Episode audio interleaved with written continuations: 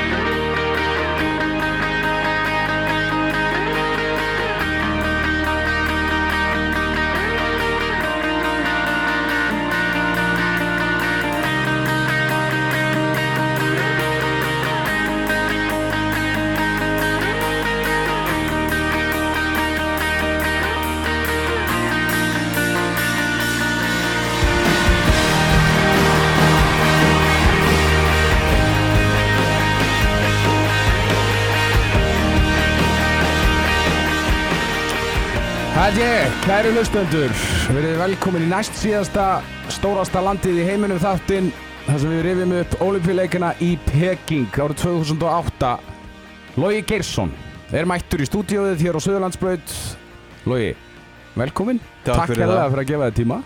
Bara gaman. Herru, þetta lag, Fixium og Coldplay Alltaf því ég hlusta það, eiginlega alltaf því ég hlusta það þá hugsa ég, bara um þig. Já, takk fyrir það.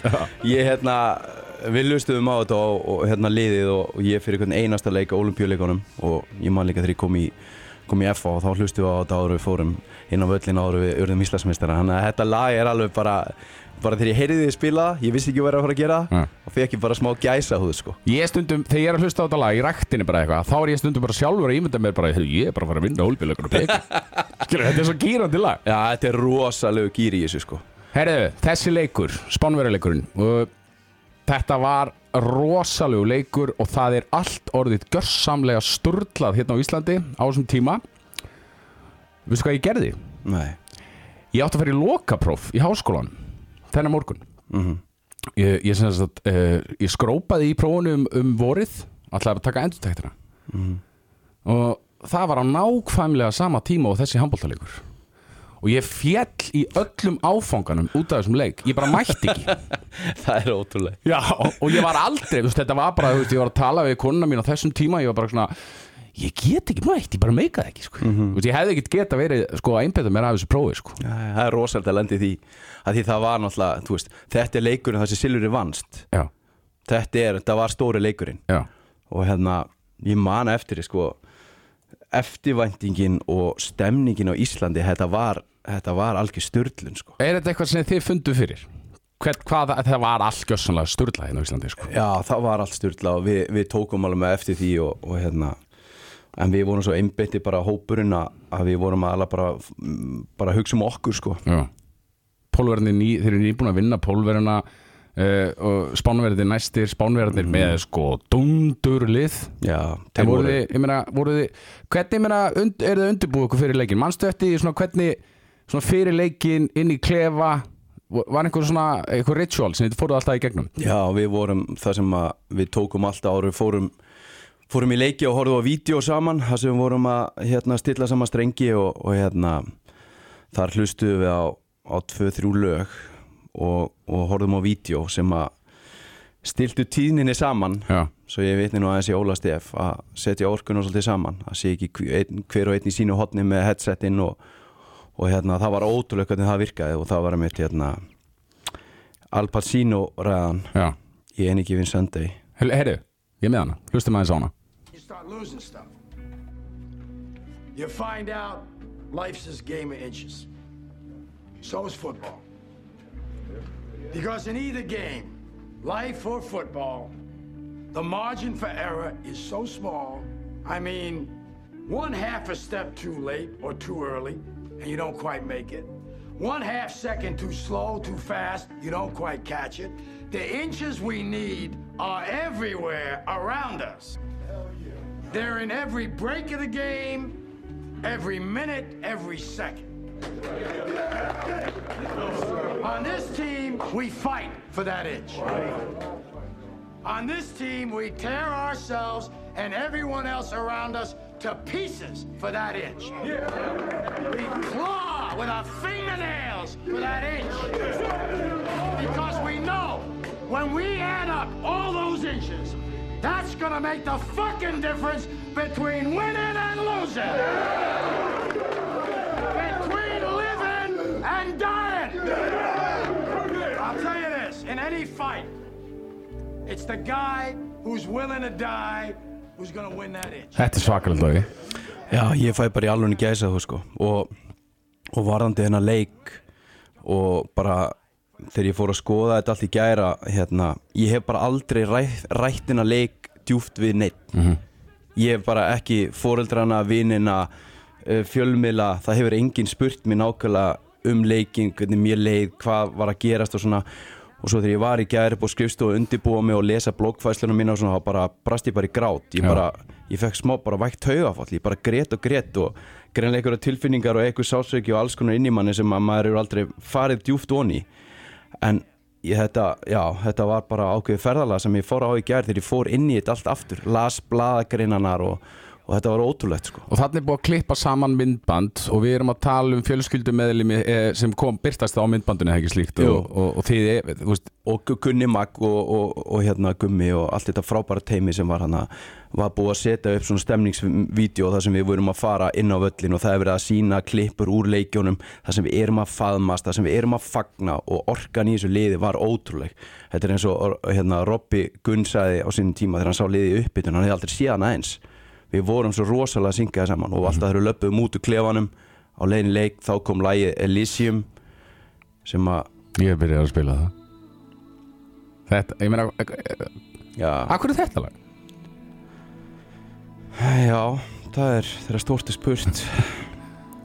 Og þið hlustið þetta bara inn í klefa og að því eru að að sko, búið ég skal segja þér tengingunum við þetta lag.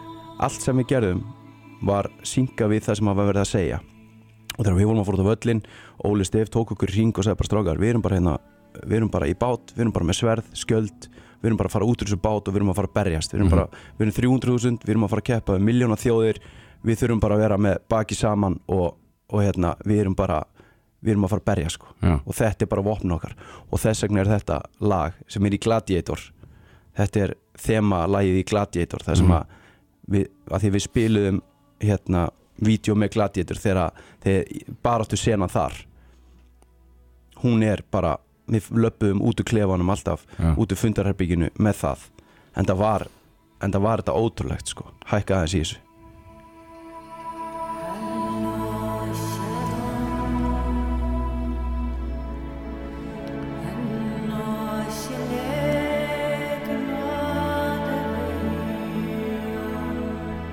þetta er rosalegt. Þú ert bara komin, ég sé það bara, bara, þú er ert að komin ákvað það. sko. ég bara fæ gæsa og við þetta sko. Þú ert búin að spóla núna tilbaka bara 15 ára og ert mættur hana án grín sko.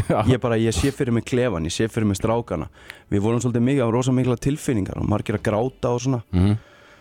og hérna já, bara alls konar, þetta var Eh, ótrúlega skriðið Þú segir það, margir að gráta á mikla tilfinningar. Meina, Þetta er væntanlega einhver svona sko, atmóð sem bara hefur aldrei upplifað fyrir neitt íþróttileika áður. Mhm. Fyr- nema kannski fyrir næsta sem er á eftir þessum. En, en þú veist, þið eru bara þið eru búin að vera svo lengi saman. Þetta er búin að ganga ótrúlega vel, þið eru kominir í undan úrslit á stórmóti. Þetta er magna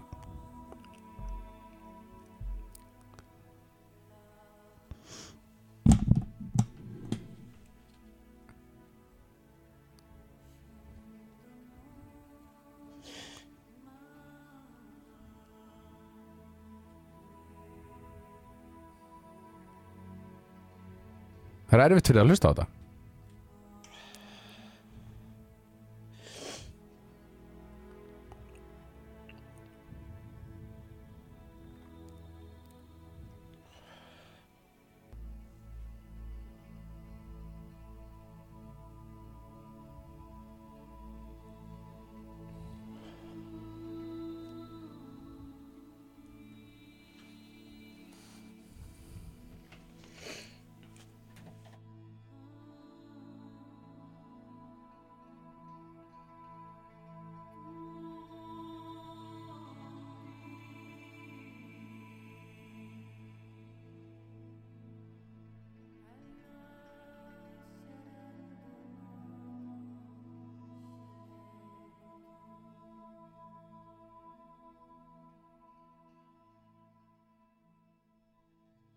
þið gýrist vantilega bara upp við þetta lag? Já, þetta var bara, þú veist Já, þetta er væga sagt bara tilfinningarna koma bara allar aftur sko, þetta er svakalega sko. Já. En hérna, sko voruð þið, voruð þið með sjálfströstið mikið í botni eða voruð þið sigurvissir fyrir hennar leika?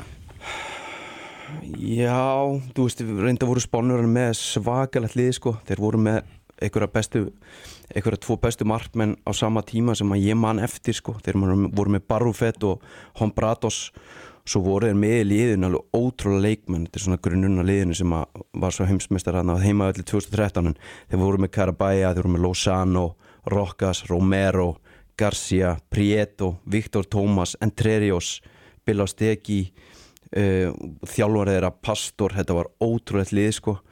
Og hérna mínu mati þá við vorum búin að spila við á sko fimm leiki og vorum búin að tapa fjóru sinnum og áttum eiginlega ekki sén sko.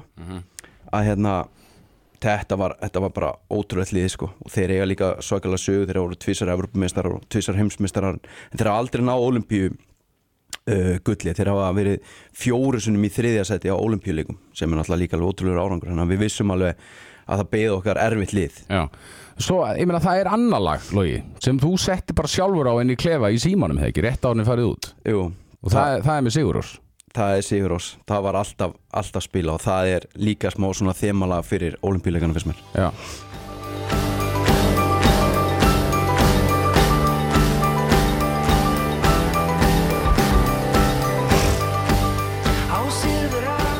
Ég meina, ég get rétt ímynda mér að- mér það að það sé, sko, þetta sé líka vel gýrandi lag.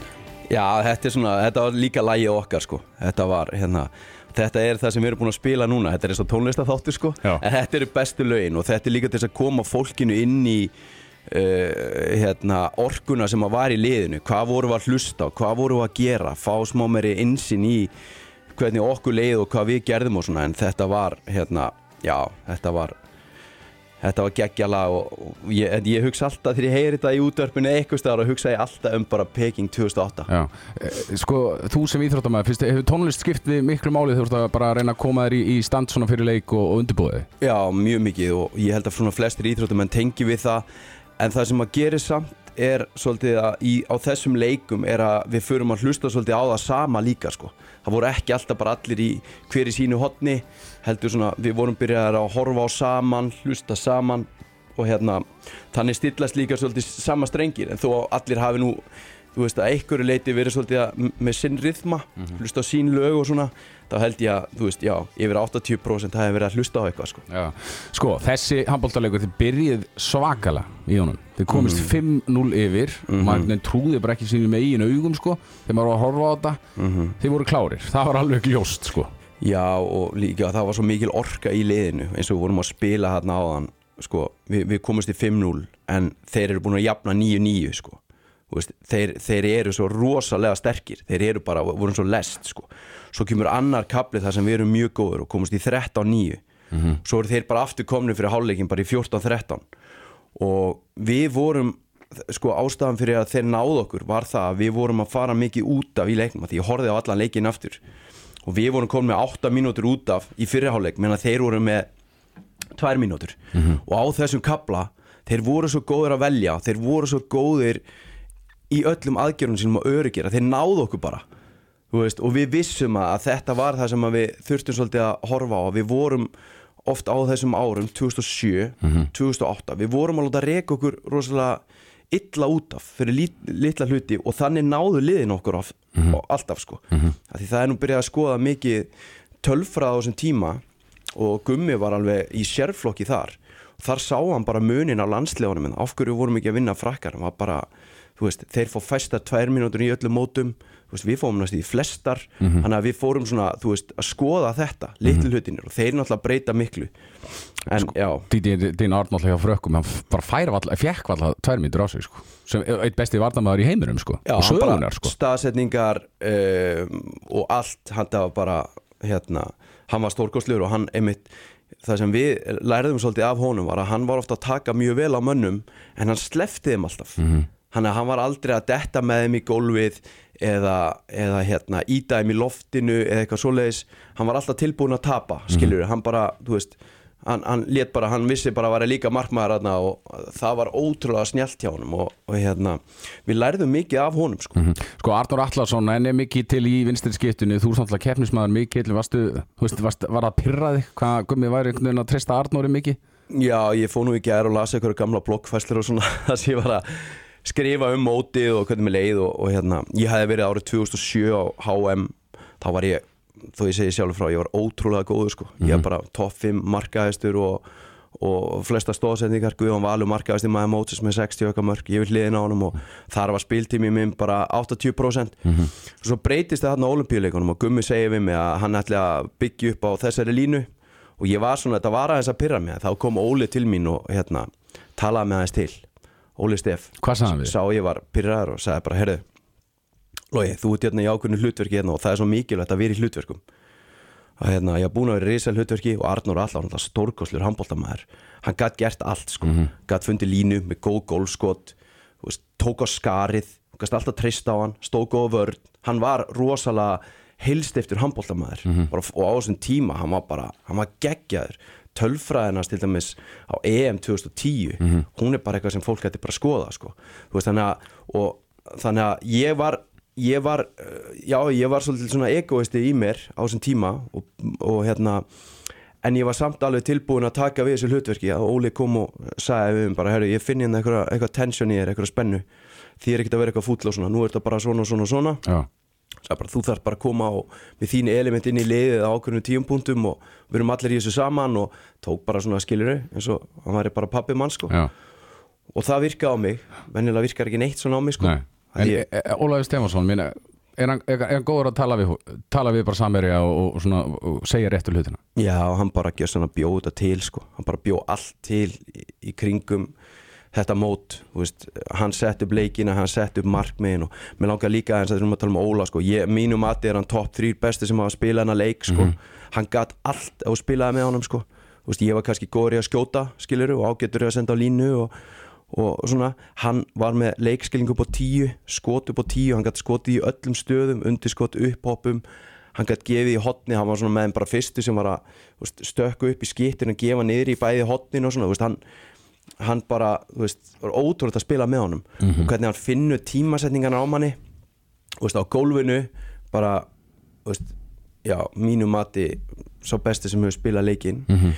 Uh, en sem karakter og fyrirlið þá leyndi hann alveg svakalega á sér. Hann var svo klár. Hann var alveg afbörða greindur sko. Og hann, hann gerði bara það sem þurfti að gera skilur til þess að vinna leikin mm -hmm. við sáum hann í aðþinu hérna í Gríklandi þar sem hann, veist, hann gat skora 15 mörg ef hann vildi sko, alltaf. mm -hmm. bara svo æfingar, ekki hægt að stoppa hann sko. En hann spilaði leikin í ákveðinu flæði þannig að liðinu myndi, liðinu myndi ganga vel. Veist, hann var að senda á, veist, á mig bara inn í veist, hlaupin og sagði bara gerðu þetta og gerðu hitt og svona. Ég man ég var stundu pyrraði við hann og hann var að mynda að rifja upp bara í gær á rúf hann segir hann með djöfull mann ég eftir ílóði þegar þú öskar á mig. Óli, þú þarf bara að segja mér þetta einu sinni. Og hérna en hann var bara, þú stilti öll af og hann var að taka svona leikmenn hvernig leið og hann, þetta er ótrúlega manneskja og leikmaður mm veist, hann, þetta er, og það sem ég langar sérstaklega að tala um að því að ég er nú með Silfri hérna með mér Já, á borðinu. Já. ég rétti þér að ná hann. Að hérna, sko hefði Óli sagt fyrir mótið að við ætlum að vera olimpíumestrar Mhm. Ég er ekki viss um að það er gesta sem gerist vegna þess að markmiðarsending skipti máli. Það var óraun hæft fannst mér á þeim tíma. Við höfum aldrei unnið að gert neitt að fara í gegnum ús bara í riðlinum byggð okkur sko Afrikumeistarar, heimsmeistarar, Evrópumeistarar og Asíumeistarar og svo rússar. Mhm. sem voru búin að vera frábært lið þar á þau bara í 20 ár veist, að ætlast til að fara inn í móti bara, veist, heyrðu, við erum bara að fara að vinna þetta. Það hefði líklega verið á stórt uh, að fara á, í velunarsæti var eitthvað sem maður fekk okkur til að trúa að væri hægt. Já, og þess vegna svona, þegar ég hugsa tilbaka þá finnst mér þessi markmiðarsetting hafa verið fullkomin fyrir þessa leika. Mhm. og svo náttúrulega var allt annað í búið fjórum ára setna þegar liðið var búið að brjóta þessa múra sko. já, og þá var var markmiðið að að fara alla leið. Já það var bara að taka gulli sko. Já, sko, ég hef náttúrulega aldrei spilað á neinu leveli sem er nálagt þessu. En ég menna, er, er maður ekkert stressaður fyrir, fyrir svona leik eða í svona leik jú, ég var mjög stressaður ég, ég var alltaf með smá stress í mér sko. Og hérna maður fyrir ofta á klósetti og maður er að reyna að halda einhverjum hérna einhverjum vönum og svona Mhm. En þetta var bara, þú veist já þetta var rosalegt, það var rivju upp innan leik ég, ég hef aldrei gert það svona djúft eins og ég gær sko. Nei. Ég það svo skrítið bara, ég vissi ekki eiginlega af hverju ég fór að gráta og eins og hérna áðan aftur okkur hellast ég maður svona tilfinningar. Ég veit ekki alveg af hverju. Nei. það er eitthvað sem ég þarf bara aðeins að fara að grafa í sko. Já, þið eru væntalega, þetta eru væntalega bara eftir, svona, kannski einn af eftirminnilegustu mánuðum í lífiðinu Já, ég myndi segja það. Og, og hérna Já, algjörlega ég, hérna, þessi, þetta er bara fullt af tilfinningum hann inn í þessu og, og hérna, við vorum mikið saman. Mm. Ég og Sverri, hann var herbyggisjölaða minn það þurfti að þóla ímislegt, greiði kallinn. Hvernig, fór, hvernig fóru þið saman í, í helgi? Við vorum svona Þið við- eru svart og hvít Já, við erum eiginlega svona, við smullum samt saman svona eins og flatgaka með hangikjöti sko. Og smjur á milli, Já. þetta var bara fullkomið. Já, og hérna, hann tók mig svolítið eins og ég var bara.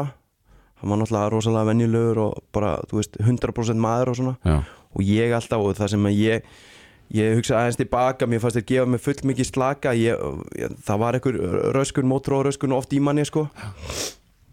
Maður fekk að, þú veist, sofa út á mótnana mm hann fór bara í morgumann með öllu liðinu og ég fekk að vera einn, einnina og, þú veist. Já, ég fór bara á, á McDonalds kvöldinu áður og náði mér einhvern mat og sett hann á borðið og ég bara vildi bara sofa sko. Já, En veist, þetta var búið að vera úr áttu á því að undirbúningur fyrir þetta var mjög langur og erfiður. Og ég meina, ég var, þú veist, liði var svakalega einbeitt, keppmin á æfingum, þetta var svo gaman, þetta var samt svo erfitt. Og ég vaknaði þarna þetta sumar, ég var að hlaupa á nóttunni, sko, ég sneri sólarhengnum við, já, ég hafði lesið, hérna, ég hafði lesið uh, greinum Sundmann sem var búinn að vinna meira að minna allt á olimpíuleikunum áður og hann, hann talaði um sko hann þóttið að mikilvægt að vera að ferja ný tímabelti og svona að snúa sólarhengnu við svolítið tíma, hann svolítið bara lengi að jafna þig. Mhm. og við mættum viku fyrr til Kína til þess að venjast þessum, þessum tímamismun. Já. En ég var bara búinn að gera það sjálfur. Í alvörunni? Já, ég hef búin að vera bara í þrjár vikur að vakna á nóttunni, ég hef búin að vekja Aron Pálmason sem sagt, og fleiri vini sem ég ræsti og ég hljóp mikið bara gólvöllin keili fór bara hljóp gólvöllin og svo satt ég bara nóttunni og var að tegja og þú veist, var að venja mig við að Já, breyta. Og, hérna, og það er einn af þessum þáttum sem að þú veist, gera það verkum að maður fer með mikið sjálfströst og meira sjálfströst maður er að gera allt sem maður getur til þess að veist, standa sig. Hefði Aron Pálmarsson talandi um hann, geta verið í hóp?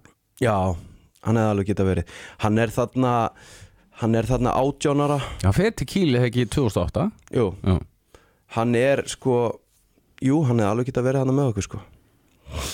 En hann kemur svo náttúrulega inn með sprengju hann 2010 já, Þegar við komumst ekki á stórmóti 2009 Það klúraðist eitthvað neginn já, Og hérna Jú, hann hefði klálega geta verið hann Það er líka sterkur í haustnum sko á þessum tíma. Já.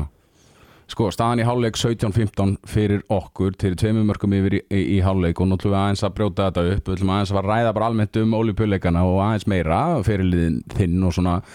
Þetta voru náttúrulega svakalegir ólipjuleikar og bara væntalega þeir stæðstu í sögunni Já, þetta var ég, Fannstu fyrir einhvern veginn orkunni sem var þarna? Þetta var rugl. Já. Ég skal bara segja ykkur það, þetta var órumurulegt Ég hugsaði bara, herðu Ég bara, þú veist, ef að líf mitt klárast á morgun þá, þú veist, þá var þetta bara, þú veist, hápunkturinn sko. að lappa þarna inn á leikvangin með öllum með, þú veist, 100.000 pluss manns þarna út um allt og ljósa sjóin og allt. Ég, ég hafði bara aldrei séð svona. Nei. þetta var ótrúlegt, ég get ekki líst þessi orðum. Nei, og stærðin á þessu og, og allt þetta var bara hérna, var þetta ekki kallað hreðrið jú, og sko bara það, þetta var þetta var ólýsanlegt. Mhm. þú veist, og ég hérna og ef maður horfir á setningar aðtöfnina það voru hérna á þessum tíma einhverjar uh, sjö, sjö miljardar í heiminum sko, bara einn miljardar sem bara horfa á þetta. Já, og, og hérna stærðin í kringum þetta og ég, ég get eiginlega bara ekki líst í maður bara hér að lappa inn á, við vorum allir nýja einhverjum jakkafötum, við vorum ekki alveg í takt við það sem var að gerast þarna, það var ógislega heitt og rakt og svona. Ég man bara hér að lappaði með öllu liðin og við vorum eitthvað að hoppa og gera eitthvað fintur og láta svona eins og kjána sko, já, þú veist við vorum bara í einhverju gersæringu að lappa þann inn á sko. það var stórkoslegt moment sko. Og ég líka tengdi við það þá sko að pappi var fyrsti handbóltamæðurinn í sögunni til þess að vera fána að bera olimpíuleikunum Já. það hefði aldrei neitt handbóltamæður fengið að bera fána Nei. og hann gerði það í, í, hérna, í Þýskalandi 1972 Mhm. og hérna og hann var svona aðeins búin að segja mér að bara þú veist eh, þessi atöfni er svolítið mögnu sko, Mhm. þarna sapna saman á einum velli 12.000 bestu íþróttamenn í heiminum Mhm. á allir jörðinni á einum stað og hérna og það satt svolítið í mig þegar ég var að labba þarna hringin og ég bara, herðu, ég er ég er einn af þessum 12.000 sko. Mhm. ég er hérna með liðinu mínu og þú veist, þetta var, þetta var ótrúleg upplifun sko. Mér veist bara oft eh, í, í, svona, þegar ég er að hlusta á ykkur handbóltamennin að tala þá eru ólipjuleikandir alltaf það stæðista en þeir eru oft á tíðum bara spil í höllum það sem er kannski, þú veist, það er miklu meiri mæting í Þýskalandi á HM eða í, á EM skilur mm ekki, en samt eru ólipjuleikandir það stæðista einhvern veginn Já, og ég meina og höllins það sem við vorum að spila hún rúmaði 18.000 mann sko. Já, og ég man að það var sagt þarna á einhverju tímapunkti að það voru 75 íslendingar í höllinni sko. en svo bættist það í þegar Björg Ólu kom hana og fór að fljúa með einhverja vélar og svona. Já, kom og helt flott partí og þetta var náttúrulega bara þetta var ótrúlega gaman. Þetta var magnað. Og, og líka bara þú veist, ég, ég man bara hérna, ég, ég, ég viss alveg þó ég væri hann í þorpinu og Facebook var bara svona rétt að startast. Og ég man eftir hennar leik til dæmis að þá fæ ég 25.000 vinabeinir á Facebook Já. og þú mátt bara vera með 5.000 sko. Þannig að það fylltist bara fólki sem ég bara þekkti ekki neitt Já. og Facebooki mitt er ennþá hann sko. Það er ennþá fullt og hérna og hérna og stemningi var bara þannig að þegar maður fór að skoða þetta Eiríkur Stefán Áskilsson sem maður skrifar hérna er með lýsinguna sko. Já. ég efast um að nokkur hafi lesið þessa lýsingu. Ég meina áhorfið hann var bara, það voru allir að horfa. Já, já. en hann byrja bara á að skrifa bara velkomin til leiks að vísi það sem einhverju mikilvægasta íþróttakapli í sögu þjóðurinnar hefst eftir hálftíma. Já. og svo lesa sko það sem hann skrifar um leikin þetta er ævintýralegt sko. Hann er bara í gæðsræningu sko alla leikin og hann bara ég trúi þess ekki. Er þetta komið, ég trúi þess ekki. Þetta var bara, þetta var klikkaðu leikur sko. Þetta var magnaður leikur. En, en, en sko, allar þessar stjörnur Hittur einhverja eh, svona stjörna á þessum ólipjuleikum?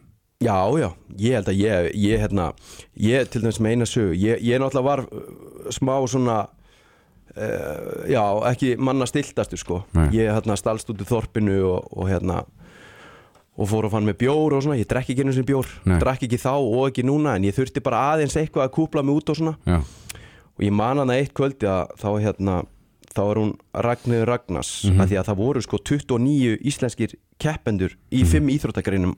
Já. á, á, á þessum leikum já, Við vorum með Rögnu Ingóls í badminton og Bergur var í sleggjunni, Þóri Edda í stangastökkinu, Mhm. Ástís Hjálms í spjótkastinu, Þormáður í júdónu og svo voru átta sundmenn, Mhm. fjórar stelpur, fjóri strákar og ég hérna kannaðist aðeins við eina stelpuna hana, Ragnir Ragnars já, og hérna og þegar við erum sem sagt uh, í þorpun okkar þá koma hérna NBA-gauranir, bara allir bara Lebron James, Kobe Bryant, Jason Kidd og ég veit ekki hvað, hvað og þetta voru bara, á þeim tíma voru það, það, þetta voru bara mestu stórstjörnir í heiminn já, sko. já, bara frægustu menn heims Heru, þeir sjá röggu þarna eitthvað og koma inn í, í blokkina og koma þarna og við erum bara byrju, hvað er að gerast hérna mm. þá er hún bara að tala við þá, þeir eru eitthvað að spjalla við hana Já. fannst hún eitthvað áhugaverð Já, og svo hann eitt kvöldið hérna, ég náttúrulega sat hann með öllum úst, Messi og þeir voru bara allir hann já, veist, bara you name it sko. Já, er- þetta er ótrúlegt, sko. já, ég bara lappa fram hjá þeim og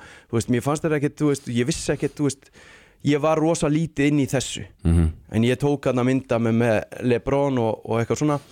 Svo eitt kvöldi er, að fara, er ég að fara á McDonalds. Ég fór alltaf á kvöldin á McDonalds og náða mér í mat því ég vildi ekki vakna í morgumat Já. ég vildi bara fá að sofa. Já.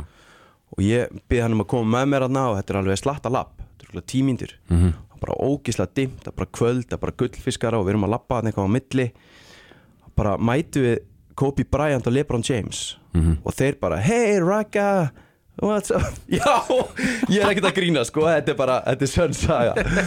Og hérna og hún fyrir bara að tala við það og, fyrir að tala við LeBron og ég er að tala við Kobe.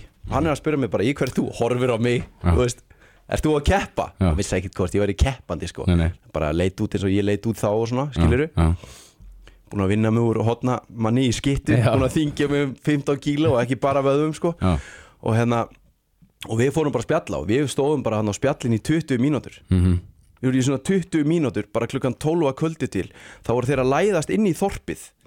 Sko þeir voru ekki, þeir gistu annar staðar. Þetta Já. var eina liði sem gisti fyrir utan þorpið. Já, og hérna Þannig að ég átti bara þarna samtal við Kobe bara í örgulega korti 20 mínútur sko. Eh, sko núna, við erum að tala um þetta núna því hann er náttúrulega fallin frá, ég meina það er það er magnað að hafa gert það bara Já, og hérna bara uh, mjög venjulegt allt sko, fannst mér þá sko. Já. Þú veist, ég vissi alveg að það var stórstjórnur og hérna, en þetta var bara, já, þetta var alls konar svona hluti sem að gerðust sko. Já, já, ég get líka ímyndið með það alveg að þú sért kannski típan sem ert ekki eitthvað shit, ég er að tala við Kobe. Já, það var ekkert þannig, það var bara ert, þú ert bara risa stór Já, þú veist, já, ég, veist, ég, ég, þannig séð, þá Já. var ég bara, þá fannst mér þetta ekkert merkilegur en bara, skilur, ég var bara að tala við hann og útskýra fyrir hann Ísland og handbolti og, Mm. og hann held sko að ég var að keppa í að slá, þú veist, á móti vegg, Já, veist, Já. það er handbolt í bandaríkjunum, já, það heitir handball. Já, ok og hann var eitthvað, og ég var að segja hann, nei, nei, nei, nei, og hérna á þessum tíma, sko, við erum að tala um bara, sko, Facebook er bara að koma að það, sko, Já. það er bara að startast, það er ekki valla internet, sko, Nei. þú veist, þetta er það lélega, við erum að tala um þetta 2008, það eru 15 ár síðan, sko, Mhm. og hérna, það er mjög mikið breyst, og ég var bara að reyna að útskýra fyrir hann með reyfingu, sko, hvernig ég var að keppa, við værum bara 7 og 7 og hérna, þú veist, þetta var alveg, já, þetta var alveg eftirminnilegt, Já. svona sérstaklega, eiginlega svona bara eftir leikana, sko. Einhver svona saga sem uh, þú lendir, lendir í eða, eða eitthvað sem gerist á þessum leikum sem fólk hefur ekki heyrt Mm, ég veit ekki, það er, þú veist ekki þannig sko ég, það var náttúrulega alls konar sem gerðist ég, hérna ég rændi einhverjum golfbíl hérna í þorpinu sem var ekki og hérna, Varstu bestaður? eða? Já svona semi sko. Svo tókum við hérna, ég og Snorri og fleiri við eh, tókum daninni, voru búin að, við vorum búin að slá það út sko. Já, þeir eru eftir og þeir eru búin að lega sér hjól hérna það voru svolítið vegalengdir. Ég man að hérna, eftir leikana þá rændum við hjólunum þeirra Já. hjóluðum út í sundlaug. Já. það var helviti gaman. Snorri sett á stað eitt besta sundlaugaparti sem ég séð. Þá hérna, já þetta er ég bara með alls konar svona sögur sem ég nenni eiginlega ekkert eiginlega að fara eitthvað mikið út í en Nei. það var bara, þú veist það er bara svona alls konar Já. sem gerist sko. Sko, en ferillin þinn sem Já. bara handbóltamæður, hann er ekkit flókin. Það er bara FH, Lemgo, FH já, Þú ert hjá Lemgo 2004 til 2011 þú ert bara lengi þar. Mm sex ár. Já. Ertu ánæður, ég meina þegar þú lítur tilbaka Ertu ánæður með þinn sko atvinnumannaferil? já, mjög. Og ég held líka þarna ég er náttúrulega næja að verða Evrópumeistari tvisar og, en ég meiðist mjög illa þarna. En að, svo ég fari nú aðeins þarna inn í þetta tímabil í kringum olimpíuleikana og þetta þá er ég að toppa. Þú veist, ég hef alveg orðið betri ég veit það alveg, ég hef alltaf orðið aðeins betri og betri og betri. En þarna kem ég í lengu og, og hérna og ég man eftir að við, ég tók fjara daga bara veisluhöld eftir olimpíuleikan hún kom inn heim. Og ég, ég gref svolítið mína gröf. Ég kem eftir fjóra daga þú veist, bara búin að vera gaman. Ég sóttur í Frankúrt, bara þvílít gaman. Maður kem í liði beint í æfingaleik og það er sko liðunum með borga í Þýskalandi fyrir að spila æfingaleiki á móti fjóradeltaliðum þá fáu einhverjar, þú veist, slatta þúsunda evra og það kemur fólk að horfa á okkur. Veist, bara, ég var með öllu stórstjórnum í Þýskandi liði. Ég var í Lemko sem var bara ég kom í liði þegar voru Þýskalandsmeistarar. Já. bara svona eins og Aron fór í Kíl þá voru þið Þýskalandsmeistarar. Og þá kem ég hérna í, í hérna hennar leik og ég láti hann byrja inn á því ég er nýkominn frá olimpíuleikunum og ég er bara hildur og þvílík gaman maður og öllu höllir stendur upp og, og ég fyrir hraðaplöp og ég ætla að sleppa boltan svona með vinstri svona laust á markmanni, gera svona grína á hann og hérna hitt í stöngin og hann öskar eitthvað á mig. Ég er ógislega þreyttur búin að vera hérna á Íslandi í einhverjum partíum sko. Og ég ákveð bara, leikurinn er í gangi að ég sparka boltan bara dundrónum upp í stúku og ég andlitið áhörenda Já, ok og fæ beint rautt spjald. Og það verður allt vittlust bara í klubnum og svona. Er bara, hörðu, þú ert að hérna þú ert að, þá var ég með Vigni Svaga sem mitt. Já, og talandi um hann því líku karakter sko, ég ætla að fá að tala eins og strákana líka bara almennt á eftir. Já, já, en, já. en hérna uh, og ég geri þetta þarna og, og sko áruna áður þá var ég líka búin að veist, setja mig í vonda stuð á, á, þegar ég skaut í andliti á sites hann alltaf bara, mm Mhm. bara rifi hérna rúta, lemgurúta var bara mert mér Mhm. bara öll liðin var bara mynda mér það var bara rifið af og ég var búin að aðeins svona, ég var búin að vera aðeins til vandraða sko. Ertu svona, varstu svona bad boy bara út í það? Nei, ég segi það kannski ekki alveg en ég lendi svona í því að hitt og þetta og ég, þú veist en það kom svona upp eitt og annað sem ég er ekki stoltur af en ég meina, þú veist, það er bara hluti af þessu skilur og maður bara er að þroskast og, og líka bara eins og í hérna það var eitthvað svona rebel í mér og hérna, ég man að ég og Brynjólfur erum til dæmis bara tveir eftir þegar all liðið fór eftir olimpíuleikana í partíin og með Björgólu þegar, hann, hérna, Björki fekk vesti og svona. Já, að þá þá var ég bara einn eftir í þorpur með ég og Brynjólfur. Læknir ekki? Jú. Já, og það var bara alls konar svona maður var aftur að taka eitthvað sem maður ég hefði vilja vera aðeins öðru ég hugsa tilbaka sko. Já. En, en, en þegar ég kem hana, já, og svo, svo setur hann mig í straff svona í liðinu, bara búndislingan byrjar og ég er nýkom frá olimpíuleikunum, ég geði ykkur standi Mhm. og lætur mig ekki spila og aturmennir okkar eru komnir og teknir hann upp og hann lætur mig ekki spila ég hafði spilað alla leiki í fjögur ár Mhm. fram að þessu, ég hafði aldrei ekki komið inn á hann gerði það viljandi gaurinn Mm. Þú veist, ég var að spila með honum fyrir tveimur mánuðum sko. Já. þú veist, í hérna einhverjum svona all-star leik sem hann valin í, ég er alveg búin að fyrirgjóna honum þetta en þú veist, shit hvað hann var að taka mig sko. svo, svo meiðist Kaufmann, ég kem inn ég skora tíu mörg, fyrsta leiknum sem ég spila já, svo lætur mig bara á bekkin hann meiðist aftur, Melsungen ég skora 12 að 13 mörg hann hjælt mig bara svona, þú veist niðri, þetta var ótrúlegt sko. já, og hérna en ég meina, ég var svo sem alveg líka þú veist já, það var líka alveg mér að kenna sko. já. Að mér á þjóðverið erfitt með svona típu. Já, já, mjög. Hann, það er ekkert það er engi slaki á svona sko. Og við vorum hann að tveir, ég og hérna Kraus sem vorum hérna svona smá vesen á. En, en ekki þannig vesen skiliru en þitt besta tímabil með Lembo, Lemgo? Já, ég held að það hef verið, ég fyrsta tímabili var mjög gott. Þá var ég bara, þú veist mjög flottur. Skora hellingamörkum og annað tímabili, þú veist, að bakbrotna ég frá í átta mánuði Já, kem svo inn í lokin og, og er alveg geggjaður í þessum Evrópuleikjum sko. Ég bara, þú veist skoraði áttamörk, þetta var, við lendum á móti Göppingen í, í hérna Evrópudeildinu og ég skoraði áttamörk úti og áttamörk heima. Bara spila frábæran bolta sko Já. og ég bara vaksa mikið sko. Já Og hvernig var að, með þið verðið Evropumeistarar Það hlýtur að hafa verið einn af þínum hápuntum bara í, í boltanum. Já, já, bara fyrsti titillin það var mjög stórt sko að bara vinna, þú veist.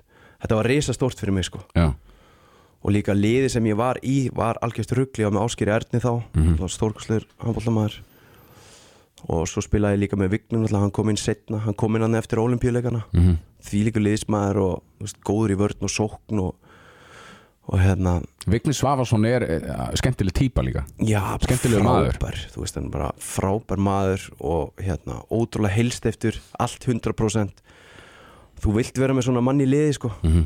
ég var til í að sjá hann í landslíðin í dag sko, Já. skilur veist, ángríns og reynda að rópa líka sko en, en hérna uh, hann, hann var ótrúlega góður sko Mhm. Talaður um bakmeðslið og bakbrotnaðir uh, meðsli líka eru bara svona að setja smá þú veist, þú varstu pyrrar hvað þú þurftir að fara þannig að snemma úr atvinnum sko. já, var ég, það ekki öxlina þér? jú, bara aukslir, hún bara kláraði mig en ég var alltaf með það skilur þegar ég er að koma heim ég vissi það, ég var búin að vera að hafa búið að skoða mikið hvort ég væri sagt, skráður í Þýskalandi bara sem þú veist, gæti ekki spila aftur Mm -hmm. Og ég fór í þrjár þannig veist, hérna, þrjú þannig test og það var bara 50-50 það var alltaf haldið opnu sko. Já, þannig að ég bara setti marki, ég segi bara ég kem bara heim og ég geri F á Íslandsmisturum og hérna, það er markmiðið mitt, ég klára þetta þannig. Og það gerðist, skilur, við vinnum og við vinnum í 20 ár og, og við unnið það síðan, en það kemur. Já, Aron, klárar þetta næsta ári fyrir okkur. það er kannski svipu saga að hérna, eiga sér stað núna vinnun er að koma í FH Já, já, en, en, en sko talar aðeins um sæts atvikið áðan. Þegar þú kastaðir boltanum uh, dóndraðir boltanum í andlið á honum. Þetta var í aukakasti og hann er í varnavegg já, þetta er fyrir fram að 14.000 manns. Þetta er þegar þjóður að vera heimsmeistarar.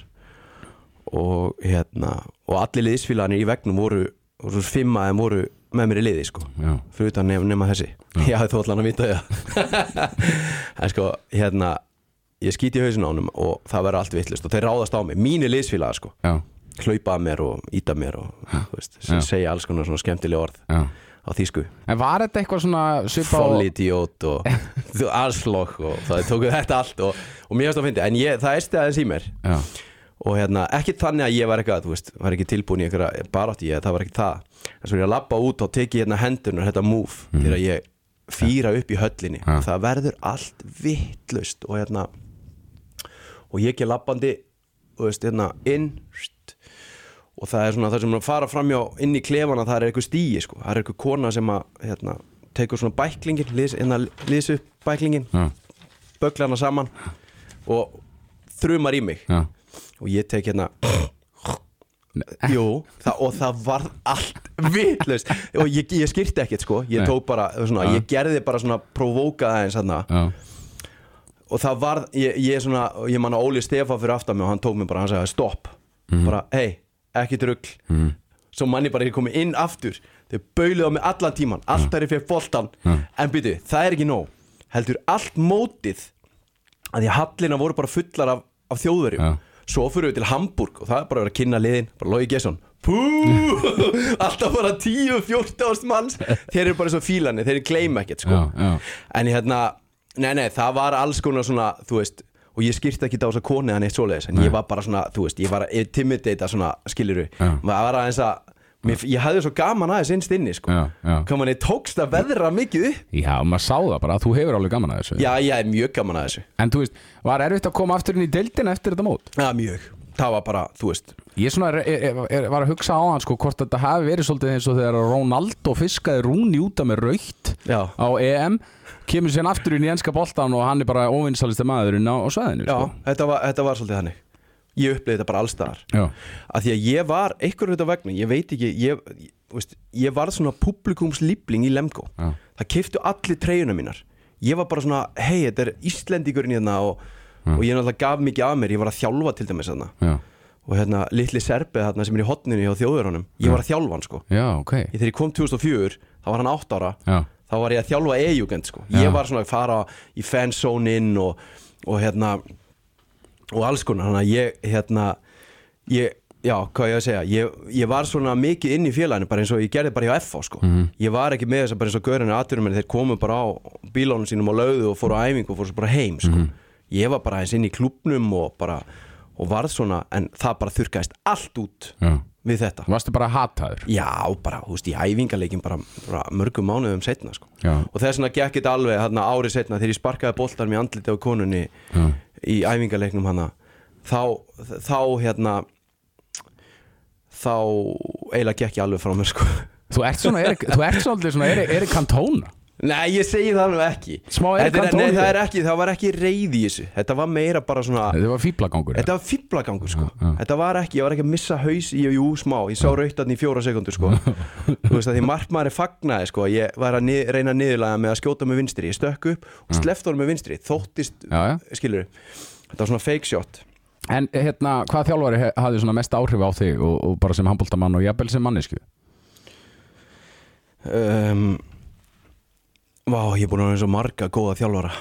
Þú verður að senda með þetta ári í kominga. Það hefur ég getað að tekið smá lista. Já. En það eru bara, þú veist, landslýstjálfarnir bara allir, sko. Bara bæði Viggo, hafa trú á manni Gummi, bara fagmennskan og, og hvernig hann vinnur þetta. Já, Alfreð, þú veist, stórkostlegu þjálfari. Við eigum ótrúlega þjálfara, sko. Já, já, og nú var ég að sjá að við erum að fá einhverja 19 sem eru komin með einhverja masterclass gráðu og, og við erum eins og núna þessu, þessu stórmóti sem er að fara núna í gang þá erum við með næst flesta þjálfara. Við erum með þrjá, spánverðar er einu sem eru með fleiri þjálfara já. en, en hérna og svo líka bara í yngri flokkum og pappi minn var þjálfari minn í öðrum flokki mm. -hmm. hann hjálpaði mér mjög mikið var að setja upp mikið að skotaæðingum og, og hérna sem að, já, bara á margir sem að koma að þessu sko. Og það er bara það sem að myndar íþróttamannin það eru margir góði þjálfarar Mhm. þú veist, og maður, maður er alltaf að skipta um þjálfarna sér hverju einasta ári Já. maður er alltaf að fá eitthvað nýtt frá einhverjum sko. ég lendi líka alveg á skjálfurinn þjálfurum ég, veit, ég hætti í handbólta í tímabundið og kom svo tilbaka og fór bara að lifta og breytti alls konar og það var líka gott mm. mótlætið er líka gott það er eðlilegt að gangi illa stundum Mhm. og maður þurfi að fara í bjelið og þurfi að vinna sig upp og veist, það er alltaf bara að vera ít undir raskati á manni sko, að þá það er ekkit endilega vænlegt til að hérna, til árangur sko. Talandi um pappa þinn, hann var náttúrulega heyraðar á dögunum í, í Kaplakreika, einhver svona merkilegasti handbóltamaður okkar allar tíma. Uh, Fyrirmynd fyrir þig, Mikil? Já, svakalega fyrirmynd og bara alltaf góði stöðningur og hann reyndi að selja mig í göppingen, hann var sjálfur að spila þar. Já, hann var alltaf fyrsti atvinnumæðurinn í handbólta hann var svo fyrsti sem var atvinnumæður og hérna já, hann hann bara stutti mig mikið og, var alltaf til staðar og hann reyndi að koma mér að núti köpingin þeir vildi ekki kaupa mig. Nei, svo árið setna þá fer ég í besta lið fyrir Lemko Mm. og vinn köpingin já, ég hef aldrei verið að peppar á ævinni sko. þegar ég fór í gömlu höllina hans í úrslitum í Evrópukjörninni ég var sko ég var hérna ég var bara á eldi sko. Já, ég bara, þú veist, það var ekki veist, það var ekkert að fara að stoppa mig sko. Já. Er eitthvað svona leikur með félagsliði sem bara svona stendur upp úr jafnvel þessi úrslitaleikur í Európa-deildinni en svona eitthvað, eitthvað svona leikur sem þú manst eftir sem bara þú hugsar oft tilbaka til? Mm, ekki svona einhver einstakur leiku kannski nema spánaleikurinn kannski sem við erum að ræða. Veist, hann er náttúrulega top 3 sko. Mhm, svo var bara þegar maður var að koma upp sko þegar maður rosa, ég maður þegar ég tók Bjögga Gúst í kjenslistund skoraði 16 mörg á hann já, í Kaplakrika og enda á að taka undirskot upp í sko hausinu á hann og inn sko. Þetta var bara svona, það, er, það var alls konar svona moment sko sem maður svona man eftir. Já, og hérna, jú, jú, það er all, alls konar leiki sem maður man alveg eftir það sem hann gekk ótrúlega vel. Mhm. Og hérna, Í hver ertu en bestur? sko, býta aðeins talandi Björgun Gústason í þessum spánaleik, ég horfði á leikin hann varði 22 skot, hann hefur aldrei varið á landslið ferlið sínum Nei. sko fleiri skot en þetta. Nei, hann var rosalegur. Já. og það sem við förum úr einu í annað förum beint inn í leikina þess aftur. Við Já. skorum 36 mörg á móti. Þeim. já, við klikkum samt 6 hraðaplöpum og 5 döðafærum af línu. Mhm, tölfræðilega átti ekki að vera hægt. Nei, nei. Og það var hérna í, í hérna eftir leikin þá vorum við bara býtu hvernig var þetta hægt, hvernig skorum við 36 mörg á þá? En vorum bara með sko hérna 11 dauða færi farin og bara hvað gerðist í þessum leik? Og þegar maður fyrir að skoða þetta ertu ekki að grínast með markustinu hjá Bjögga? Já, þetta er rugg já hann er bara í kringu 50% sko. Já ég bara, þú veist. Hann er 42% og við erum 22 skot fær 52 á sig. Já, Það er náttúrulega bara fáránlegt. Það er fáránlegt. Og líka hraðin í þessum leik var mikill maður. Það var allt í botni sko. Já, og þeir náttúrulega alltaf að sækja á okkur svona fyrirfram betra liði sko. En hérna já, hann, ég vildi bara koma þess að mér fannst þetta Ég ætlaði reyndar að spyrja það út í bjögga á eftir en það er þá bara, þá er það bara frá. Því að ég meina þetta er mótið sem hann algjörlega springur út í. Já, já, við þurfum bara og við vitum þá, þú veist Ísland mun ekki ná árangur í íþróttum í, í handbólta segi ég nema með Markuslu mm og við erum með Bjögga núna að spila sinn besta leik. Ég var að horfa á hann bara í, í sjónvarpinu í gær. Bara ganga frá þjóðurum á, á þeirra heimavelli. Þetta er æðislegt, já, hann er 38 ára sko. Og svo erum við Viktor Gísla með honum. Þetta er líkillinn Mhm. að, að árangur hjá okkur. Ef við náum upp Markus Ljóvörd komum hraðaplöpunum inn í þetta svona þá erum við bara, þú veist þá erum við að fara að sjá stórkostlega hluti. Herri, erfiðasti uh, anstæðingur Besti handbóltamaður sem þú hefur mætt?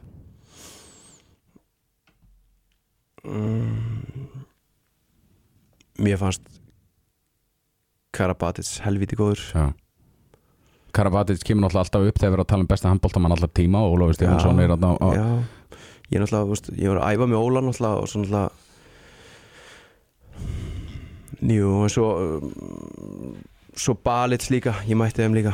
Ég á Mhm. eitt svona mjög eftirminnilegt að því að ég gleymi til 2003 þá er ég að æfa og æfa og æfa árið fyrir atvinnumennskuna ég æfi tvisar sem á dag ég hleyp í lifti og ég er að fara í sporthúsi í Kópói til að lifta, til að sækja mér eitthvað innblástur svo margir massa er þarna og Já. mann langaði bara eitthvað nýtt Já, og ég var að fara þarna og ég gleymi aldrei, ég kem hann inn og í sjónvarpin er Kroatia að spila þetta er þeirra Balits er bestur bara í heiminum og ég bara horfa á hann mann og ég bara þessi er rosalegur mm. -hmm. það maður hafði bara aldrei séð neitt eins og hann Mhm. og mínu mati, ég meina voru margir geggjar en Balits, Karabatis og Óli Stef hjá mér eh, fara bara á hennar lista sko. Ég er svolítið sammálað þessu.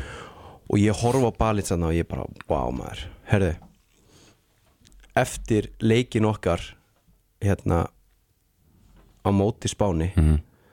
við erum að spila hérna þá er, þá er hann hann í höllinni, lappar fram hjá mér. Ég hef aldrei talað við hann eða neitt. Lappar hann svona fram hjá mér, fjórum metrum frá mér lítur svona yfir okkur, við erum hann þrý fjórir snýr sér við og gefur mér five. Já, já, og ég bara, anskotin, þetta er meant to be sko. ég man bara ekki hvort þetta var fyrir leikinn já, eða eftir leikinn en þetta var bara veist, þetta er gæðin sem ég var búin að horfa á bara þetta var eina ástæðan fyrir ég veist, fór að skjóta eins og ég skaut og svona. Veist, og bara allt þetta var bara svona moment fyrir mig sko. ég er nú ekki maður sem er eitthvað svona finnst eitthvað sérstætt að taka myndir af einhverjum og eitthvað svona bara, en þessi leikmaður að ég er búin að horfa svo mikið á hann, ég er búin að stúdira skotin hans ég er búin að skrifa nafni hans mörgusum í stílabókina mína í skotunum sko. Já. því ég átti bara svona bók yfir hvernig ég var að skjóta. Þetta skot, þetta skot, þetta skot var bara með 20 skot, skilur og hann var bara mjög oft nefndur hann ég var líka með Haldur Ingólfsson Óla Stef, þú veist, ákveðna reyfingar hjá honum þegar Þú hann varst svona skipulagur Já, já, ég var alveg, þú veist, ég pældi mikið í þessu sko. Að því ég vissi bara, þú veist að ég, ég vildi vera góðu skotmaður og það var, veist, svolítið það sem ég stemdi Þa, á Og sko. það er þinn styrkur sem handbóltamaður, það er Já. að þú ert frábær skotmaður Já, fyrst og fremst Já. Sko staðan í hálfleik eins og við förum aðeins aftur í leikin bara og, og, og, og tæklum hann 17-15 í hálfleik og ég má bara sjálfur því ég var að horfa og maður var að skýta á sig og stressi og í raun og veru var ég ekkert eitthvað gæðveikislega bjart sítt og við varum tveim mörgum yfir í hálfleik sko, þetta voru, mm. þetta eru spánverjar Já, og, og, og er þetta ekkert í hugunum ykkur? Herru, shit, þetta eru, við erum samt sem áður að spila við spánverjar sko.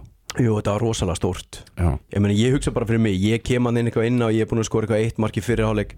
Arnór fær eitthvað tvær myndir veist, þegar ég var að horfa á þetta. Og já, svo kem ég bara þarna og, og við erum að lenda í hrikalegu vandræðum sko, við erum að út af, út af, við erum tveimufæri, einufæri bara, það kemur bara 10-15 minna kapli, það sem við hefðum eiginlega bara, þú veist, tapa leiknum. -hmm.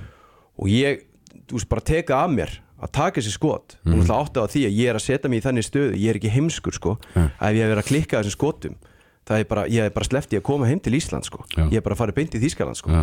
þú veist hann að ég bara tek sjansinn og ég er að skjóta skotum sem þú, þú sérði engar skjóta. Mhm. þú veist, þá pælir í sig þá myndir bara setja þetta saman og ég meina Óli er búin að segja þetta oft hann sagði bara skotu alveg hjá loga ef við segjum 1, 2, 3 þá var þetta sko bara fjórin sko. Þú veist, þú bara þú veist, þú tekur ekki þessu skot. Nei, en og ég er að skjóta hann bara milli tveggja manna í gólfi fyrir fram að markmannin og upp í þakniti Já, ég man eftir þessu, ég man eftir þessu skoti.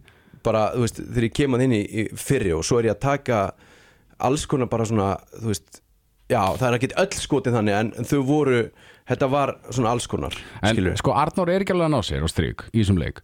Uh, Þú kemur inn og átt ótrúlegan sko leik í raun og veru. Þú skorar sjö mörg og tíu skotum Þú ert algjör X-faktor í þessum handbóltaleik Var eitthvað inn í þér bara þegar þú ert að koma herru, bara núna, það er bara núna eða aldrei? Eða var einhver, einhver sem eitthvað gummi saðan eitthvað við þig? Bara, heyrðu, logi, við þurfum þig núna. Nei, það var ekki þannig, ég var bara settur inn á svo kom bara upp þessi stað, við vorum bara einum tveimum færri. -hmm. og við vorum með sko Guðjón Val sem stórkostlur og gat líka skotu stokki upp fyrir utan og hann gat alveg skorað á tíu metrum sko, hann já. gerði það í þessum leik. Já, og hérna en ég reyndi bara að færa mig og koma mér í eitthvað staðar fyrir þannig ég gæti þrjum honum á marki sko. já, að því ég var ekkit mikið alltaf að miða sko. Mhm. þú veist, ég bara og ég vissi að ég hefði gert þetta áður í búndislíkunni ég gerði þetta í Evrópukefni og móti Gúmusbakk sem var rosalegt lið Mhm. það voru, þá voru Robby og Gauji og þeirri mitt þar sko. og þá kem ég bara inn á og skora bara tíu mörg já, bara í setni áleik og sko, Filip Jíkjáð þjálfur í Kíl alveg besti handbóltamæri heimi 2010 hann er hann á undan mér. Hann fær rautt spjald, hann og Jún. Mm. ég bara tek sviðið og set bara tíu mörgarni í setni áleik já. bara, bara klessi það út úr keppnin þannig ég hafði gert þetta nokkuð sem áður. Já, þú kannski stundum finnur fyrir bara í leiknum, herru, nú vantar liðinu bara mig, já, nú þarf ég bara að stígu upp. Já, nú er styrklingarnir mínir veist, möguleiki. Nú bara, veist, læt ég vaða sko. Og maður þarf líka að vera pínu svona kaldur að gera þetta skilur Já. að því að þú veist, ef þú ert í íþróttin þá ert alveg að pæla, þú ert ekkert að gera eitthvað heimskulegt. Ert með alla bakinn, þú ert með all liðið og sem er mikið undir, Já. fyrir utan náttúrulega 300.000 heima sko, Já. ekki gleyma því. Nei, nei, þannig að ég var bara tilbúin að vera skúrkurinn skilur líka, ég bara ef þetta fokast upp, þá bara gerist, þá bara gerist það. Já, og hérna og þetta voru náttúrulega þú veist, þetta voru mörg þegar það var vonlust að skora, þeir voru bara fimm og þetta hjælt okkur að ná lífi í setniháleik ég, meni, ég horfði á leikin í gær sko. Mér fannst þetta alveg, ég var bara, herði tjóðs svaka skotir þetta. Þú hefur verið að sjá, horfa sjálfa á mig sko. Að ég horfi aldrei á leiki með sjálfum mér aftur í tíman, Nei. ég villi það ekki sko. Já, að ég gerði það einu sinni og ég, þá held ég að væri, þá var ég í minningunni miklu betri heldur en ég var þegar ég horfði á leikin já, já. en það var samt ekki þessum leik Nei. sem betur fyrir sko. Mér fannst ég með þegar ég er að horfa á því þessum leik mér fannst það bara að vera einhvern veginn eins og vera að spila með FH gegn gróttu sko í ólistildinni sko. mér fannst einhvern veginn bara mér fannst einhvern veginn ekki renna blóðið í þér sko. Nei, þetta var alveg en það, en, var- það vantilega var ekki tilfelli þú hlýtur að hafa verið aðeins og tauginni Já, þetta var Já, nei, eiginlega ekki sko. Ég er með leið vel sko þú veist, þetta er það skrítið að með íþróttamenn að maður er oft með maður er ógeðslega illt í manum og maður er að fara á klósettið og, og hafa hæðir og tvisa þrísar jafnvel að leikta og það er svo margt svona líka með svo mikið Já, þú veist, hérna og sérstaklega það er svona mikið undir já, og hérna, þó menn tala ekkit almennt um það þá er það bara það sem gerist. Já, en leiðu að flauta á bara, bara já, ég er bara með líðu vel. Já. þetta er ótrúlegt og það tengja mjög margi við þetta. Ég, meni, ég er að þjálfa íþróttamenn og ég er að þjálfa stráka í meira meina öllu landsliðum og stelpur reynda líka og, veist, og ég spyrði þú oft út í þetta þannig að leikta á rútínu og þetta og veist, tengja margi við þetta. Bara leið og leikurinn byrjar þá bara hverfur allt stress og það er þannig hjá mér sko. Sko því endi með að vinna hann leik með sex mörgum sem er náttúrulega magnað og þessi bara sigur ykkar var í raun og veru aldrei hættu hann var, hann var svona, að þeir, í setni háleik þá voru þeir alltaf að koma, þeir alltaf að nálgast okkur. Og þeir komu upp á okkur hann aftur, þeir bara, þeir voru eins og lest sko, þeir bara við mistum hann út af, þeir koma upp á okkur. Þú veist, þetta kom í eitt mark hann í setni háleik sko. Já. En það við- er samt bara í upphafi setnafleiks þegar líður á leikinn þá er þeir bara þið eru bara sex mörgum yfir bara Já, út leikinn sko, já, nánast. fjögur, Já, þrjú, já, fimm, já, sex, já, já. við náum því sko og þetta var eiginlega, já, þetta var ótrúlega leikur. Er þetta besti, bara einn af bestu landsleikum Íslendinga bara í sögunni? já, ég held að sé nummer eitt. Mitt mat sko. Já, við höfum, tekið, fra, um við ég- höfum tekið frakka með nýju og tókum frakka núna síðast stórmóti og, en við höfum, þú veist, við Já, höfum ég, nei sko, nei, býta aðeins ég, ég, býta, tökum við aðeins tilbaka. Mhm. ég, ég var náttúrulega í liðinu sem að á HM Mhm. á móti frökkum. Það sem við unnið á nærið því ofstórt Já. Mm.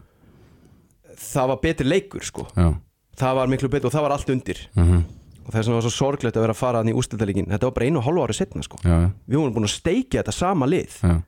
á HM sko. Og við vissum alveg, við hefðum alveg geta unnið á olimpíuleikunum sko. En, en sá leikur var kannski svona, þú veist, betur leikin Mhm.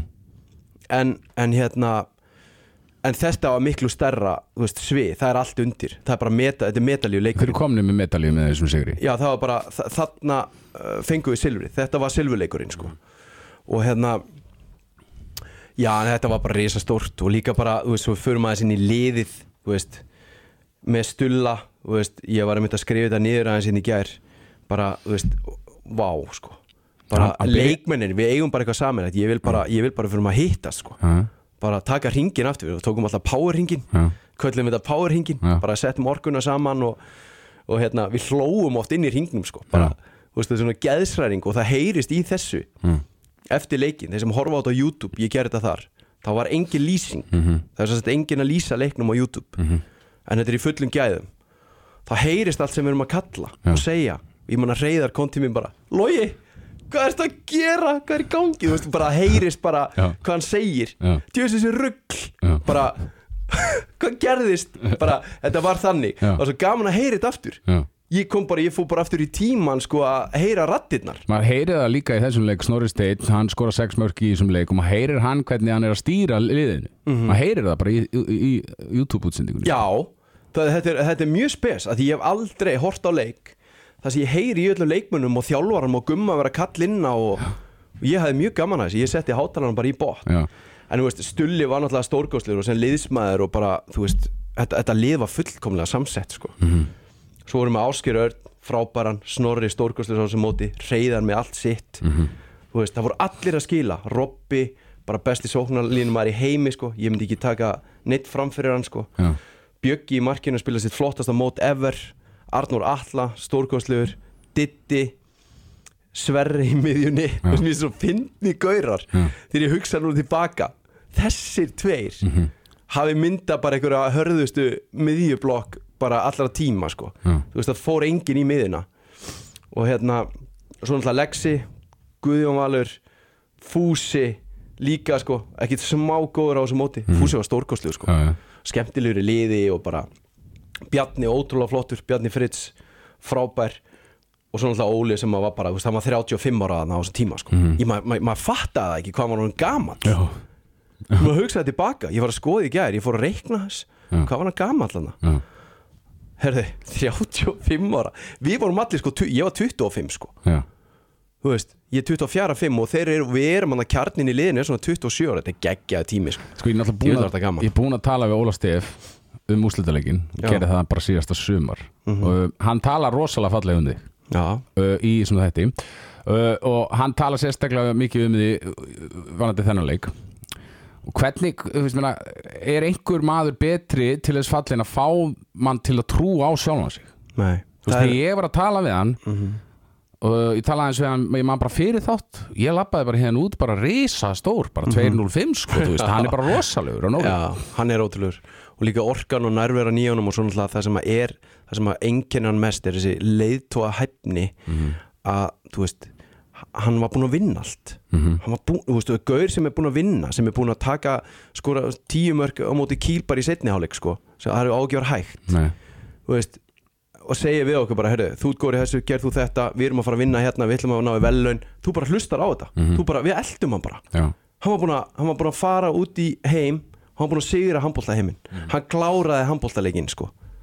Skilur við ég maður þegar hann var að taka við þjálun og sendi honum bara hér Óli, hann ekki með nýja jobbi. Þú veist, þú kláraðir þú kláraðir handbóltaleikin sem leikmaður. Bara gangi ég vel og nú ferðu bara þú veist, en það tekur tíma. Að vera góður í öllu skilur við, bara og í, sem þjálfar og allt. Og ég man alveg eftir þessu, ég meina Óli segir hann eftir eftir hann spánurleik, hann segist bara heyrðu, þú veist, þetta og það sem við erum að gera hérna snerist bara um að við erum að glæðja 300 úst Íslendinga. Og ég man bara eftir þegar Óli Gríms var að labba þarna á eftir okkur inn í klefa. New York Times skilur var með forsíðu myndir af Óla gráta og fúsa með honum. Svo líka bara þessi tilfinning að standa á pallinum á olimpíuleikunum þetta er síðasta aðtöfnin það er, það, er, það er verið að kynna olimpíuleikan í London. Það er, þetta var, þetta var stæðsti sjónvars viðbörður olimpíuleikana var, var veist, loka atrið, við vorum með síðasta ívendið fyrir hérna, loka aðtöfnuna Já. já, og svo náttúrulega vorum við bara þannig það var svo margir farnir á þorpinu þegar við förum, við erum tveimur, þreimur dögum lengur já. við lo- læstum bara þorpinu við lo- læstum bara, við lokum eftir okkur ég er ekkert að djóka sko við vorum síðastir í þorpinu sko Já. það voru allir farnir nema íslenska liðið það fannst mér alltaf svolítið svona tákgrænt Já.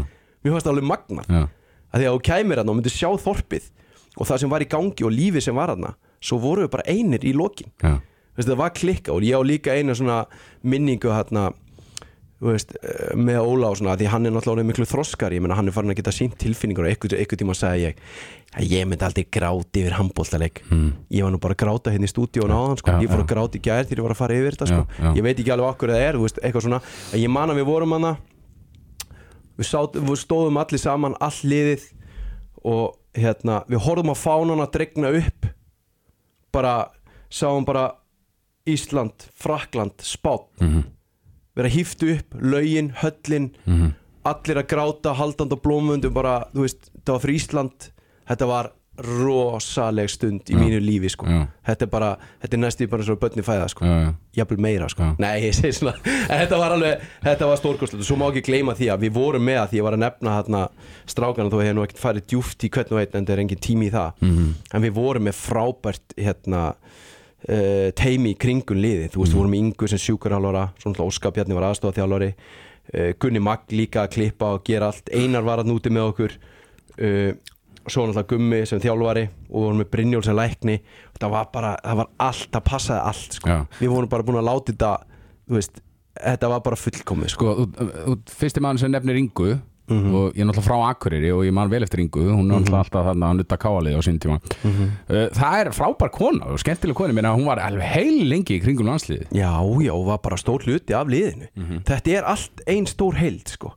Þetta er bara orka Skilur, þetta er bara rafindir, við erum bara fólk og hún gerði alltaf sitt og stóð alltaf fyrir sínu, hún var að nutta okkur veist, og þetta talandi um það svona meina hún var að nutta langt fram til kvöld. Já, til klukkan 2-3, ég man það var einmitt byrtist mjög skemmtileg mynd þarna í fréttablaðinu það sem að það sem að Inga var að nutta mig. Svo, svo kemur Dorrit, fórsetafrúin og þær skipta á þess að láta mig vita.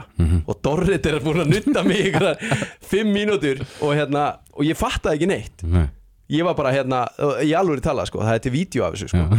Og hérna En, og það er alls konar svona skemmtilegt í kringum hana og, og líka bara, þú veist hún er alltaf jákvæð og, og brósmild og, og til í að hjálpa og gerir það sem þarf að gera og bara alvöru kona sko. Já.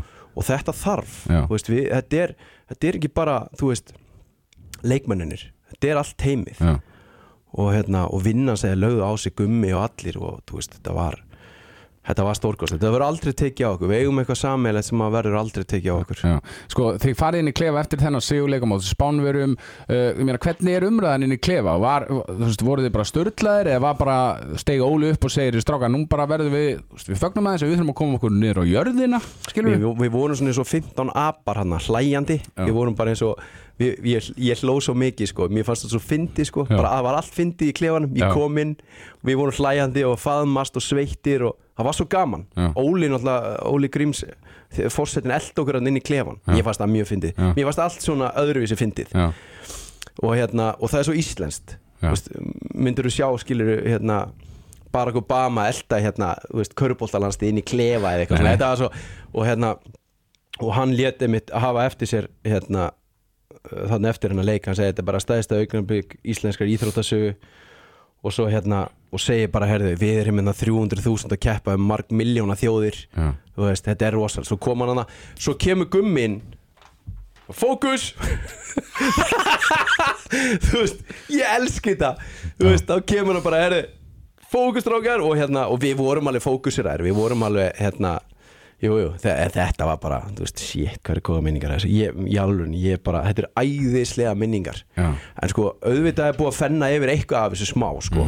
Þú veist, og hérna en Jésús minn, hvað þetta var gaman, sko. Þetta er bara, þú veist íþróttafólk, bara þetta er þessi virði. Að, þú veist, vakna á nóttinu, hlaupa á góluvöllin fara á aukaæðingarnar hugsa um mataræði, þú veist berjast, fara í gegnum mótlæti. Þetta er allt þessi virði og miklu meira. Já. ég segi sinnum hundra, sko. Já Akkur erum við svona góði í handbólta? þetta er sagan líka. Já, þetta er alltaf ótrúlega saga. Leikminni sem hafa verið undan okkur og svona. Hún er alltaf mögnuð sko. Það er búið að riðja hennan eh, veg fyrir okkur. Svo kom alltaf einn og einn snillingur sem spila leikinn sem að vekja rosa aðtekli og, og svo er bara já, við erum bara góður við erum með íþróttahúsin og það er kalt hérna og það er bara margt sem að spila inn í sko. Já, við erum bara með sterkan haus. Íslendingar eru bara mm, veist, við erum bara ótrúlega sterk þjóð sko. já, já. við gefumst aldrei upp. Við, við erum góð í mótlæti. Við, við erum búin að fara í gegnum alls konar. Þetta er bara Mér finnst þetta mjög aðtryggsvært við, erum- við erum sterk þjóð og andlega sterk. Við höfum líka séð íslenska karlalandsli í fótbolta fara í áttalega úrslit á EM Mhm. Það er líka alveg og náttúrulega algjörlega skilur við Þú veist, það er eitthvað við okkur. Já, já, það, það til dæmis bara það er óraunhæft veist, að þeir hafi komið svona langt. Við slóum út England sko. Veist, þetta er bara íþróttir og þetta er bara eins og ég hef svo oft sagt já, hver leikur á sitt líf og ef að menn eru vel samstiltir og trú á þessi að gera og svona þá er allt hægt þar erum við svolítið statið núna með landslið okkar Já. að við erum með lið sem að, að mínum mati og ég veit að ég er búin að vera liðinu sem að náði brons og silfur. Ég veit að þetta er nógu gott lið til að vinna gull. Já. Sko, ég ætla að enda þáttin aðeins að HM núna sem er að byrja í, í, bara í þessari viku eða næstu viku, við erum að taka hérna upp sunnudaginn 8. janúar. Mótið er að byrja. Uh, við erum búin að spila eitt leik núna við þjóðverða sem æfingaleik sem við uh, vinnum með einu marki eftir, ég menna, liður oft, oft spila betur en ég menna þeir vinna. Hvað sjáum við HM núna? Sko, pælt í styrkleikana að vera ég er búin að taka þessa leiki í Þýskalandi það sem að við erum að spila fyrir framann tíus manns Mhm. ég hef spilað í Berlín, þetta er ótrúlega erfitt þetta er miklu erfiðar en fólk heldur Mhm. það er alltaf mótið er, smá dómarar á mótið er öll höllin veist, við fengum bekkin inn á í til þess að klára þetta sko. Ég, ég, veist það sem við erum að fara að sjá í þessu móti er bara veist ég held að við verðum heimsmeistarar. Ok.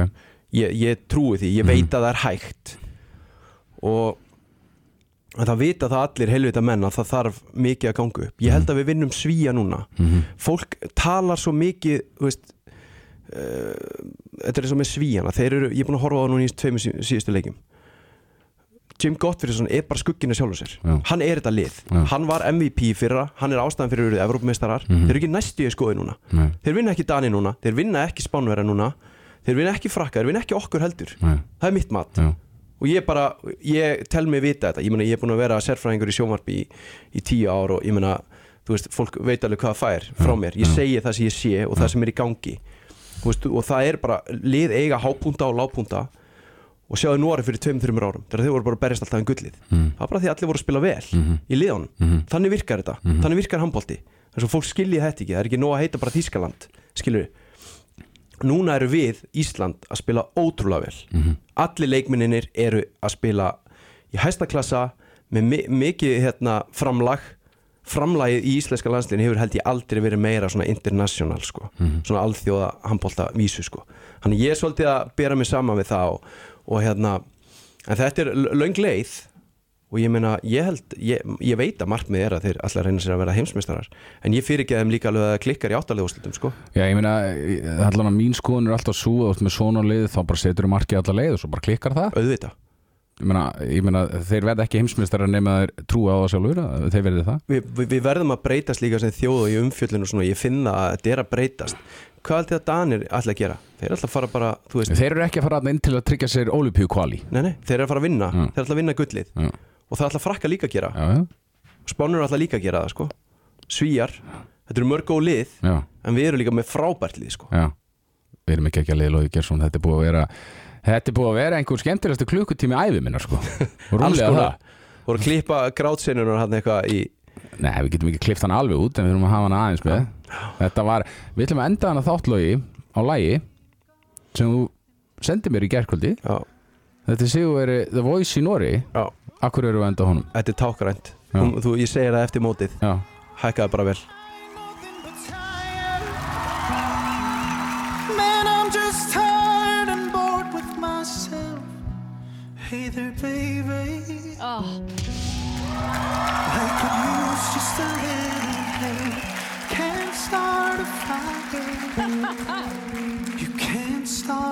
fire without a spark. This gun's for hire. Even if we're just dancing in the dark. Fy fader. Hæ? Ja, fy fader, dette her var helt vilt, altså. You sit around getting older. There's a joke somewhere, and it's on me.